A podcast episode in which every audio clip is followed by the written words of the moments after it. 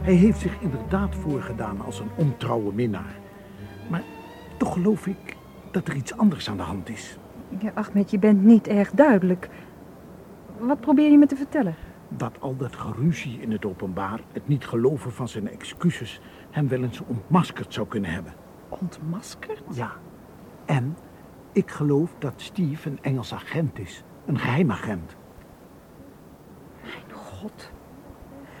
En dat hij met iets belangrijks bezig is dat ik heb laten misgaan.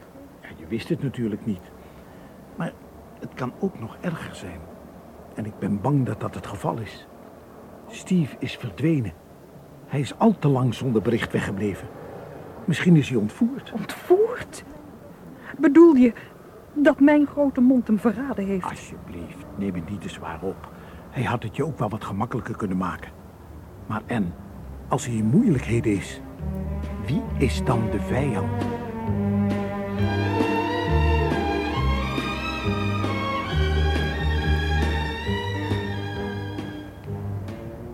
Ahmed, ik ben bang. Ja, Eh, Ik kan het natuurlijk helemaal bij het verkeerde end hebben. Maar ik voelde me verplicht je te waarschuwen voor het geval dat ik gelijk heb. Nee, ik, ik voel dat je gelijk hebt. Ik kan het je niet uitleggen. Nou, Ik ben een egoïstische trut. Want als Steve inderdaad een spion is, dan kom jij als Egyptenaar nou ook behoorlijk in de moeilijkheden te zitten. Daar heb ik me natuurlijk ook zo wel zorgen over gemaakt. Maar ik geloof niet dat zijn activiteiten tegen Egypte gericht zijn. Er zijn hier heel wat spionnen die elkaar in de gaten houden. Die Russische toerist Baikov was nogal geïnteresseerd in het doen en laten van Steve, nietwaar? En mijn landgenoten zouden Steve niet ontvoeren, ze zouden hem arresteren. Misschien hebben ze dat al gedaan. Nee, hij is nou 24 uur geleden verdwenen in Luxor. En als hij gearresteerd was, dan zou de politie al lang vragen gesteld hebben. Aan ons. Je hebt gelijk. Dat betekent dat de vijand dus iemand anders is. Moeten we niet naar de politie gaan? Nee, nog niet. Als we dat zouden doen, zouden we Steve nog meer in gevaar brengen. Als hij ontvoerd is en nog steeds leeft. Ja, het spijt me verschrikkelijk, Anne. Maar als we Steve willen helpen, dan moeten we alle mogelijkheden onder de ogen zien. Ga door. Als hij dood is, dan is het te laat. Maar als hij nog leeft, dan kan hij misschien ontsnappen of tot een overeenkomst komen. Of misschien is hij al ontsnapt. We moeten hem een kans geven en de politie pas op de hoogte brengen als we echt niet anders meer kunnen. Ja, ja, je hebt gelijk. En ondertussen moeten we ons realiseren dat jij en ik reisleider zijn die belast zijn met de zorg van 22 Engelse toeristen. We moeten ze morgenochtend naar Luxor brengen en ervoor zorgen dat ze goed onder dak komen. Laten we ons daar voorlopig op concentreren. En wie weet, misschien staat Steve ons daar op te wachten en zijn al onze zorgen voor niks geweest. Inshallah. Het is in zijn handen. Kom mee, ik heb jou bang genoeg gemaakt. Misschien helemaal voor niks. Je krijgt een drankje van me voordat je naar bed gaat. Eén ding nog, Ahmed. En dat is? Ik zal mijn woorden op een goudschaaltje wegen. In gezelschap van die vriendelijke Baikov. En zelfs in gezelschap van de vriendelijke en behulpzame Peter Morgan. Heel verstandig. Maar laat hij niet merken dat je achterdochtig bent. Jij zei toch iets over een drankje? Ziet u? Daar, de tempel van Karnak. Waar? Ja, daar, daar, net ten oosten van de rivier. Eh, met dat zwembad? Dat is het Heilige Meer. En daarnaast ziet u de belangrijkste gebouwen. Ja, we zitten eigenlijk te hoog hè, om het goed te kunnen zien. Maar het lijkt me nogal uitgebreid. Ja, Karnak is wat oppervlakte betreft nog steeds het meest uitgebreide religieuze bouwwerk ter wereld. Biedt plaats aan ongeveer vier Europese kathedralen. En kijkt u daar eens, daar, een paar kilometer stroomopwaarts. Dat is Luxor, de eh, zustertempel van Karnak. Ah ja. Vroeger lag er tussen die twee tempels een processieweg. Tegenwoordig is dat Luxor. Vroeger heette die stad Thebe. Theebouw, ja. Wat vreemd, hè, dat die stad en de tempels maar op één oever van de Nijl gebouwd zijn. Ja, zo is het altijd geweest. De oostkust was het land van de levenden. De westkust het gebied van de doden. De vallei van de koning en de koningin en edelen, waar zich alle grote graven bevinden, liggen ten westen van de Nijl. Ook het graf van Tutankhamon? Ja, Dames en heren, over enkele minuten landen we op het vliegveld van Luxor. Wilt u zo vriendelijk zijn uw stoelriemen vast te maken en niet meer te roken? Meneer en mevrouw Andrews, kamer 17. Juffrouw Cartwright, juffrouw Russell, kamer 18. Meneer en mevrouw Green, meneer en mevrouw Green. Oh, sorry, Anne. Alsjeblieft, kamer 19. Dank je. Kijk, eh, heb je iedereen gehad? Oh nee, mevrouw Wilton. Ik zijn al toch weer uit. Oh, die heb ik voor het laatst op het terras gezien. Ze weigerde nog één stap te verzetten voordat ze een hete kop thee kreeg met verse melk. Echt iets voor haar? Oh, God, als ze nu maar eerst even haar sleutel had afgehaald. Ik kan maar beter even naar daartoe gaan. Laat mij dat nou maar even doen. Jij hebt je hand al vol. Alsjeblieft, Pieter. Kamer 12. Haar paspoort krijg ik dan later wel. Ja, daar zou ik mijn vingers niet aan durven branden. Ik zou eens kunnen ontdekken hoe oud ze was. Tot straks. Wat een aardige man. Zeg, is er altijd eentje van het type Wilton in een groep? Oh. Ja, iedere keer weer. God straf om ons nederig te houden. Ja, maar hij compenseert op middel van mensen als Pieter. Oh hemeltje, daar heb je de Russen. Links, rechts, links, rechts. Inademen, uitademen en niet met vreemden praten. Maar zo zijn ze niet allemaal. Hmm. Hallo, juffrouw Selby. Wat zei ik net? Hallo, meneer Bajkov. Alles in orde? Goed hotel, geloof ik. Ja, ja, inderdaad. En? Stond meneer Gardner op u te wachten? Nee, nee, hij was druk bezig met andere zaken. Ach, zaken, altijd maar zaken. Jullie reisleiders hebben het maar zwaar. Jullie moeten werken terwijl wij van onze vakantie kunnen genieten. Bij ons is het dan net zo. Zorgen, zorgen, zorgen. Ik hoop toch dat u nog een uurtje kunt vinden om eens lekker in het zwembad te gaan zwemmen. Oh, dat ben ik echt wel van plan, dus maak u zich maar geen zorgen. Overigens, ik dacht dat u ook aan het werk was. Ik? Eh, ja, u moest toch aankopen doen voor uw museum in Leningrad? Oh, nou ja, een paar dingetjes. Maar dat is geen werk, dat is plezier. Ik ben van plan om veel te gaan zwemmen en nog veel meer in de zon te gaan liggen. Doet me genoegen dat te horen. Het eerste wat hij vroeg was of Steve op ons wachtte. Dat kan natuurlijk heel goed uit beleefdheid zijn geweest. Je had in Cairo nogal duidelijk laten blijken dat je nerveus was. Ja, herinner me er alsjeblieft niet aan. Ja, dat kan natuurlijk zijn. Trouwens, als de Russen Steve ontvoerd hebben en als Baikov een KGB-agent is, dan zou hij het weten, nietwaar? Dus het feit dat hij naar Steve informeert, pleit voor hem. Of niet soms. Of misschien vroeg je het juist om die indruk te wekken. Ik moet ophouden om zo naïef te zijn. Ach, met dit is allemaal zo onwerkelijk. Het kan gewoon niet waar zijn. Maar waar is Steve dan? Hij laat zijn werk in de steek, twee dagen lang, alleen om achter een vrouw aan te hollen. Geloof je dat? Nee, dat geloof ik niet. Ik weet dat hij op de een of andere manier in de nesten zit. En ik ben doodsbang. Bang om naar de politie te gaan, maar even bang om helemaal niets te doen. Als hij morgen nog niet terug is, dan zullen we wel naar de politie moeten gaan. Behalve dat kunnen we niets doen. We hebben één aanwijzing. De wagen die hem op het vliegveld oppikte. Maar- Ja, die chauffeur van Medawar heeft hem gezien. En alle chauffeurs kennen elkaar. Een paar ponden. Alsjeblieft. En zoiets stoms moet je niet doen. Je zou jezelf voor de leeuwen gooien. Als Steve een agent is en als hij in moeilijkheden is geraakt. Dit soort mensen en speelt smerige spelletjes. Maar het is de enige aanwijzing die we hebben. Dan zal de politie dat moeten natrekken als de tijd daar is. Maar als we naar de politie gaan, zetten we Steve's leven op het spel. Vandaag of morgen. En als zij er eenmaal bij betrokken zijn, geef ik geen cent meer voor het leven van Steve. Ja, wat we ook doen, het blijft riskant. Maar misschien heeft hij onze hulp nodig. En ik ben geen lafaard. Dat weet ik. Tegen iedere tastbare vijand wil ik het opnemen. Maar om zomaar in een valstrik te lopen en om daar een vrouw in te betrekken. Ach, ach, met dat soort redelijkheid is uit de tijd. Ik kan even goed vechten als jij. En misschien nog wel beter. Want ik vecht gemeen. Ik ben jong en sterk en evenmin een lafaard. Ik zou haast willen dat je dat wel was. Dan zou je heel wat veiliger zijn. Maar wij zijn allebei amateurs en zij zijn En professionals. soms bereiken juist de amateurs iets omdat zij onverwachte dingen doen. Hou op en je speelt met vuur. Ahmed, salam alaikum. Mohammed, we alaikum assalam. En mag ik even voorstellen aan Mohammed Seri van het ministerie van Oudheden. Mohammed, dit is mijn collega en Selby. Ik dacht niet dat jullie elkaar al eerder ontmoet hadden. Nee, inderdaad. Hallo, meneer Siri.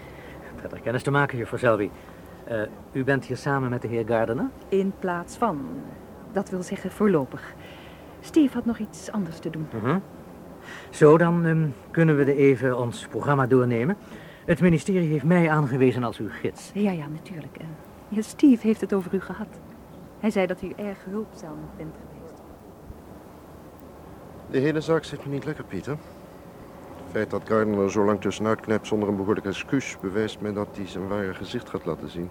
Of dat zijn eigen mensen hem op een ander karwei gezet hebben. Waarom dan wel? Goed. We weten dat Karsten een arrogante hond is.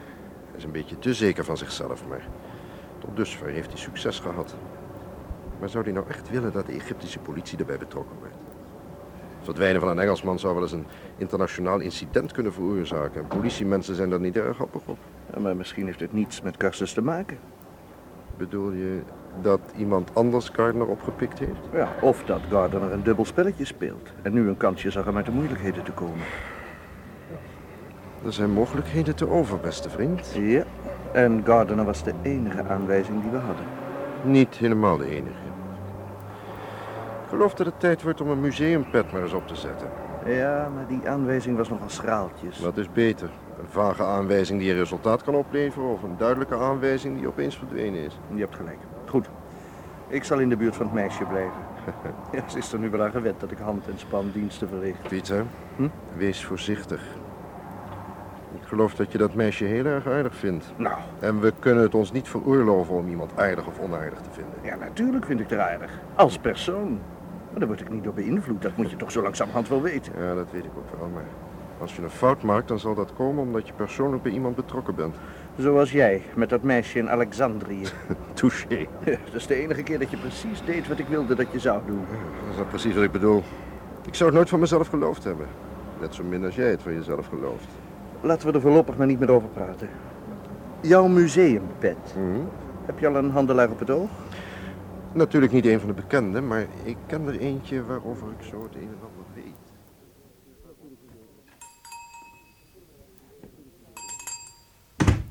Goedemiddag, meneer. Goedemiddag. Mag ik even rondkijken? Natuurlijk. Die Uziaptis zijn bijzonder mooi. Uit het graf van Nacht in de vallei van de Edelen. Ja. Een werkelijk uitstekende reproducties en ze stammen zeker niet uit het graf van nacht. Maar Nou, meneer, ik verzeker Mijn kaartje. u. Oh, dokter. Neem mij niet kwalijk. Een heel beroemd museum. Je moet de toeristen nu eenmaal gelukkig naar huis toesturen, dat begrijpt u. Maar wanneer het om ernstige zaken gaat, met een man van uw kaliber, dan benader ik het een en ander natuurlijk heel anders. Natuurlijk. Had u soms een speciale periode in uw gedachten, dokter? Ja. 20e dynastie. In het bijzonder artefact uit de regering van Ramses VIII. Oh, ik ben er niet zeker van. Of Laat ik eh, me nog wat duidelijker uitdrukken. Ik ben geïnteresseerd in objecten uit het graf van Ramses VIII. Maar dokter, het graf van Rameses de achtste is nog niet eens ontdekt. Er zijn geruchten. Ja, geruchten zijn er altijd. U kent onze specialiteit. Sommige mensen willen belangrijker lijken dan ze zijn, eh, spelen de insider. En zulke praatjes zijn meestal waardeloos. Natuurlijk, helemaal waardeloos. Net als het gerucht dat er bepaalde voorwerpen voorzien van het koninklijk zegel van Ramses VIII op de zwarte markt van Jeruzalem boven water gekomen zijn. Dat die voorwerpen geëxporteerd werden en naar Israël nog wel, zonder medeweten of toestemming van het ministerie voor Oudheden. En dat ze afkomstig waren van een zekere handelaar in Ja, Luxor. maar dokter... En eh, het land uitgesmokkeld werden met een schip onder commando van een zekere Spaanse kapitein Alvarez. Allemaal waardeloze roddels natuurlijk. Dokter, ik smeek u. Ik heb, ben niet rijk. Ik heb een gezin. Laten we en, eh, even heel eerlijk zijn. hè? Mijn museum is geïnteresseerd in voorwerpen uit het graf, onlangs en totaal onwettig ontdekt, van Ramses de achtste. Ik beschik over redelijke fondsen. Tot op dit moment heb ik me nog niet in verbinding gesteld met het ministerie van Oudheden. Ben ik duidelijk genoeg? Toevallig, heel toevallig, heb ik een ring met het koninklijke zegel van de farao. Eh, Die man die hem aan mij verkocht heeft, heeft mij... Mag niet ik die gezegd- ring even zien? Natuurlijk, dokter. Natuurlijk. In deze ruimte van de tempel van Karnak bevinden zich 134 pilaren. De ruimte is ongeveer 54.000 vierkante meter groot. De pilaren staan in 16 rijen. De grote in de middelste rij zijn ongeveer 24 meter hoog. De andere zijn circa 18 meter hoog. oh, Het is adembenemend, vind je niet? Ongelooflijk. Dit gedeelte van Karnak is voor mij altijd het meest indrukwekkend. Hoeveel keer ben je hier nu al geweest, Pieter? Vijf, zes keer. Ik ben de tel kwijt. Als je dit alles zo ziet, zou je haast geloven dat de oude goden en godinnen van Egypte nog steeds bestaan. Oh, maar die bestaan ook nog.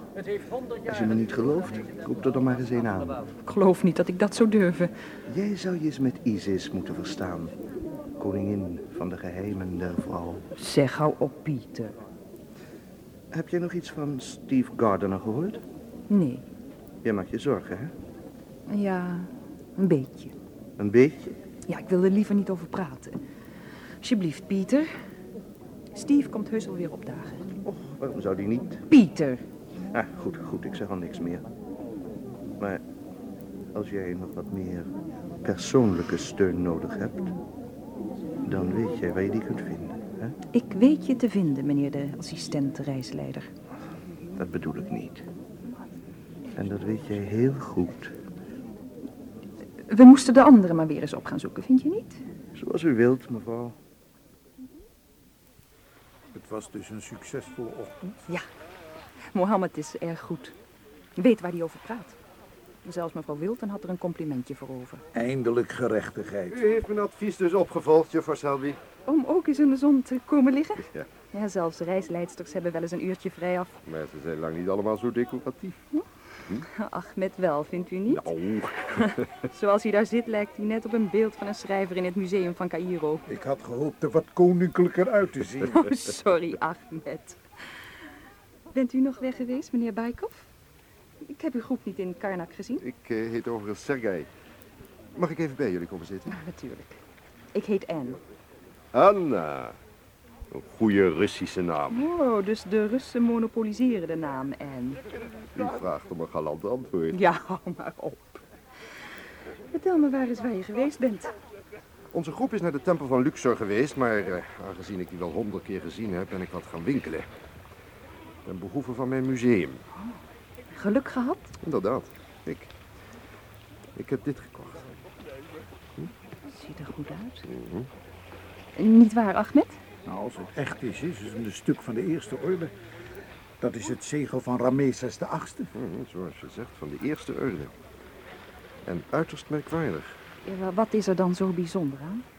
Het graf van Rameses VIII is nog niet ontdekt, lieve jonge dame. En toch lijkt dit een van zijn lijfsieraden te zijn. Het lijkt me het beste als je het aan Mohammed Seri laat zien. Hij weet zeker of het echt is of niet. En als het echt is, zal het ministerie me niet toestaan het te exporteren. Maar ja, je hebt natuurlijk gelijk. Waar heb je het vandaan? Aangezien dit een aangelegenheid voor het ministerie van Oudheden dreigt te worden, lijkt het me beter dat ik die details maar even voor me houd. Hm? We zullen het maar laten voor wat het is voorlopig. En laten we ons maar eens concentreren op het uitzicht. Nou, begin dan eerst eens naar links te kijken. Hm? Bij die duiktoren. Beeldschoon meisje. Hm? Nou, van fataal als je het mij vraagt. Mooi, maar gevaarlijk. Ik heb haar eerder gezien. Ja, als je er eenmaal gezien hebt, kan je er niet makkelijk meer vergeten. Zeker niet als ze toen ook zo'n minuscuul bikinietje droeg. Nee, echt. Ik geloof dat ik haar in Cairo heb gezien. Oh, waarschijnlijk bij het zwembad van het Hilton. Nee, daar was het zeker niet. En toch ken ik het. Volgens mij denkt ze hetzelfde over jou, beste vriend. Toen ik hierheen kwam lopen, zag ik dat ze naar Anne en jou zat te kijken. En dat doet ze nog steeds. Dat is jou dus ook opgevallen. Ja, kijk maar. Kijk. Ze kijkt nog steeds. Ja, het arme kind vraagt zich natuurlijk af waarom ik mij gelukkig mag prijzen in het gezelschap van twee heren, terwijl zij helemaal alleen moet blijven. Ik denk dat ik haar maar eens zal vragen om bij ons te komen zitten. Als haar belangstelling eenmaal gewekt is, laat Anne zich door niets of niemand tegenhouden. Dat geldt voor bijna alle vrouwen. Maar de meesten weten het beter te verbergen. Als ze dat nodig zou vinden, zou Anne het ook heel goed kunnen verbergen. Maar op dit moment vindt ze het kennelijk niet nodig. Dat zou er nog wel eens kunnen oprekenen. Waarom zeg je dat? Oh, zomaar een opmerking. Als jij inderdaad een vriend bent, dan zou je er goed aan doen er wat voorzichtigheid bij te brengen. Ik? En iets bijbrengen? Grapje. Dit is Ingeborg, Sergej en dat is Ahmed. Ingeborg, we gaan Hoe maakt u het? Goedemiddag. Anna dacht dat ik me misschien wat eenzaam zou voelen. Als dat wij zou zijn, dan zou dat onvoorstelbaar zijn. Hou toch op met die Russische galanterie van je, Sergei. Haal liever een drankje voor de... Natuurlijk. Wat zal het zijn? Niets, dank je. Ik wou juist weggaan. Maar na zo'n hartelijke uitnodiging moest ik even een opwachting maken. Bent u hier met vakantie? Nee, ik woon in Egypte. Een onderzoek. Echt? Ik meen u wel eens in Cairo gezien te hebben. Heel goed mogelijk. Ik kom daar vrij vaak. Maar jullie moeten mij nu verontschuldigen. Dat drankje komt dan wel een andere keer. Ik moet me gaan verkleden. Mijn wagen staat al op me te wachten. Pieter? Ja? Kalm. En niet omdraaien voordat ik het zeg. Goed? Nu. Die vrouw die in die blauwe Mercedes stapt. Goeie god. Ah, je herkent haar dus. De zuster van Karstens. Ingeborg. Dat dacht ik al. Gelukkig dat jij in de buurt was. Ik wist dat jij er eerder gezien hebt en alles wat ik had was een oude foto. Zou ze jou ook herkennen? Geloof ik niet. Ik heb haar een paar maanden geleden in Tangen gezien. Voor zover ik weet, heb ik ze niet toen niet gezien. Maar zeker weten doe ik het natuurlijk niet. We stonden bij het zwembad. En de bedoeling was duidelijk Ernst Selby observeren. Oh ja? En onze lieve, spontane Ernst staat op en stelt zich aan haar voor. Ze dacht dat ze zich alleen voelde. Precies, de ratelslang is nog arroganter dan de broer. En ik neem niet aan dat ze zich met Ernst bezig hield als ze daar geen goede reden voor had. Dat ben ik met je eens. Van nu af aan zal ik Anne nog beter in de gaten houden. Ahmed is weliswaar voortdurend bij haar, maar van nu af aan gaat ze niet meer alleen op pad. Je zou onze tegenstanders in de kuit kunnen spelen. Oeh, maar ja, we hebben tenminste nou een klauw laten zien. Het is een begin en laten we hopen dat ze jou en mij niet kennen. Hè? Dat voordeel moeten we uitbuiten. Nou ja, een vrijgezel die de nodige aandacht schenkt aan een aardig meisje. Ik zie niet in hoe ze dat verdacht zouden kunnen vinden. Er zijn momenten, beste vriend, dat ik het zelfs verdacht vind. Komt te eerlijk op me over. En Eh, jij maakt je veel te veel zorgen. Ahmed, Wat is er, Anne? De chauffeur van de directeur zei dat je met Ringeld wilde spreken. Hier. Ja, heeft me goed geholpen. Je weet dat hij Steve donderdagavond weg zag rijden. Nou, ik heb hem gevraagd of hij me in contact wilde brengen met de chauffeur van Steve's taxi. Aanvankelijk wilde hij dat niet, maar net belde hij met het bericht dat die man een gast naar het hotel kon brengen. Kijk, als hij me zo'n passagier heeft afgeleverd, nemen wij zijn wagen. En als we eenmaal rijden, beginnen we onze vragen te stellen. Prima, toch? En het bevalt me helemaal niet. We hadden vandaag de politie moeten inschakelen. Het is tenslotte al drie dagen. We hebben het niet gedaan en dat is dat. Ik wil deze poging wagen.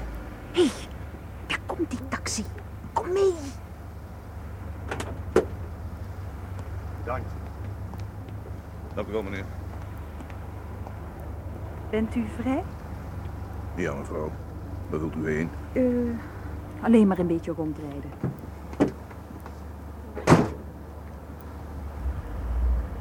Houdt u van eh, Egyptische muziek of buikdansen? Mijn neef heeft een café en Vanavond niet, dank u. Maar misschien kunt u ons toch wel helpen. met alle genoegen, mevrouw. Herinnert u zich dat u drie dagen geleden eh, s'avonds een man heeft opgehaald van het vliegveld? Hij kwam uit Cairo. Ik, eh, ik vervoer zoveel mannen en vrouwen. Ja, maar u moet zich hem herinneren. 32 jaar oud ongeveer, 1,90 meter lang, roodbruin haar, een grote snor. Spreekt behoorlijk Arabisch, maar u moet gehoord hebben dat hij het in Marokko geleerd heeft. Ik herinner hem niet, nee. Eh, vijf pond. Nee. Ik doe er nog eens vijf pond bij. Nee. M- misschien herinner ik hem toch wel een, een klein beetje. Goed, goed. En waar heb je hem heen gebracht? Richting Bananeneiland. Naar een huis of naar een boot? Meneer, mevrouw, ik, ik smeek u. U zult die 10 pond best kunnen gebruiken, meneer. Meneer, mevrouw, ik breng die heer. Ik, ik ken hem, meneer Karener. Hij komt vaak naar Luxor. Ik breng hem naar een plaats aan de oever van de Nijl waar een boot wacht. Die boot neemt hem mee. De man op de boot wendt zijn gezicht af, maar ik ken hem.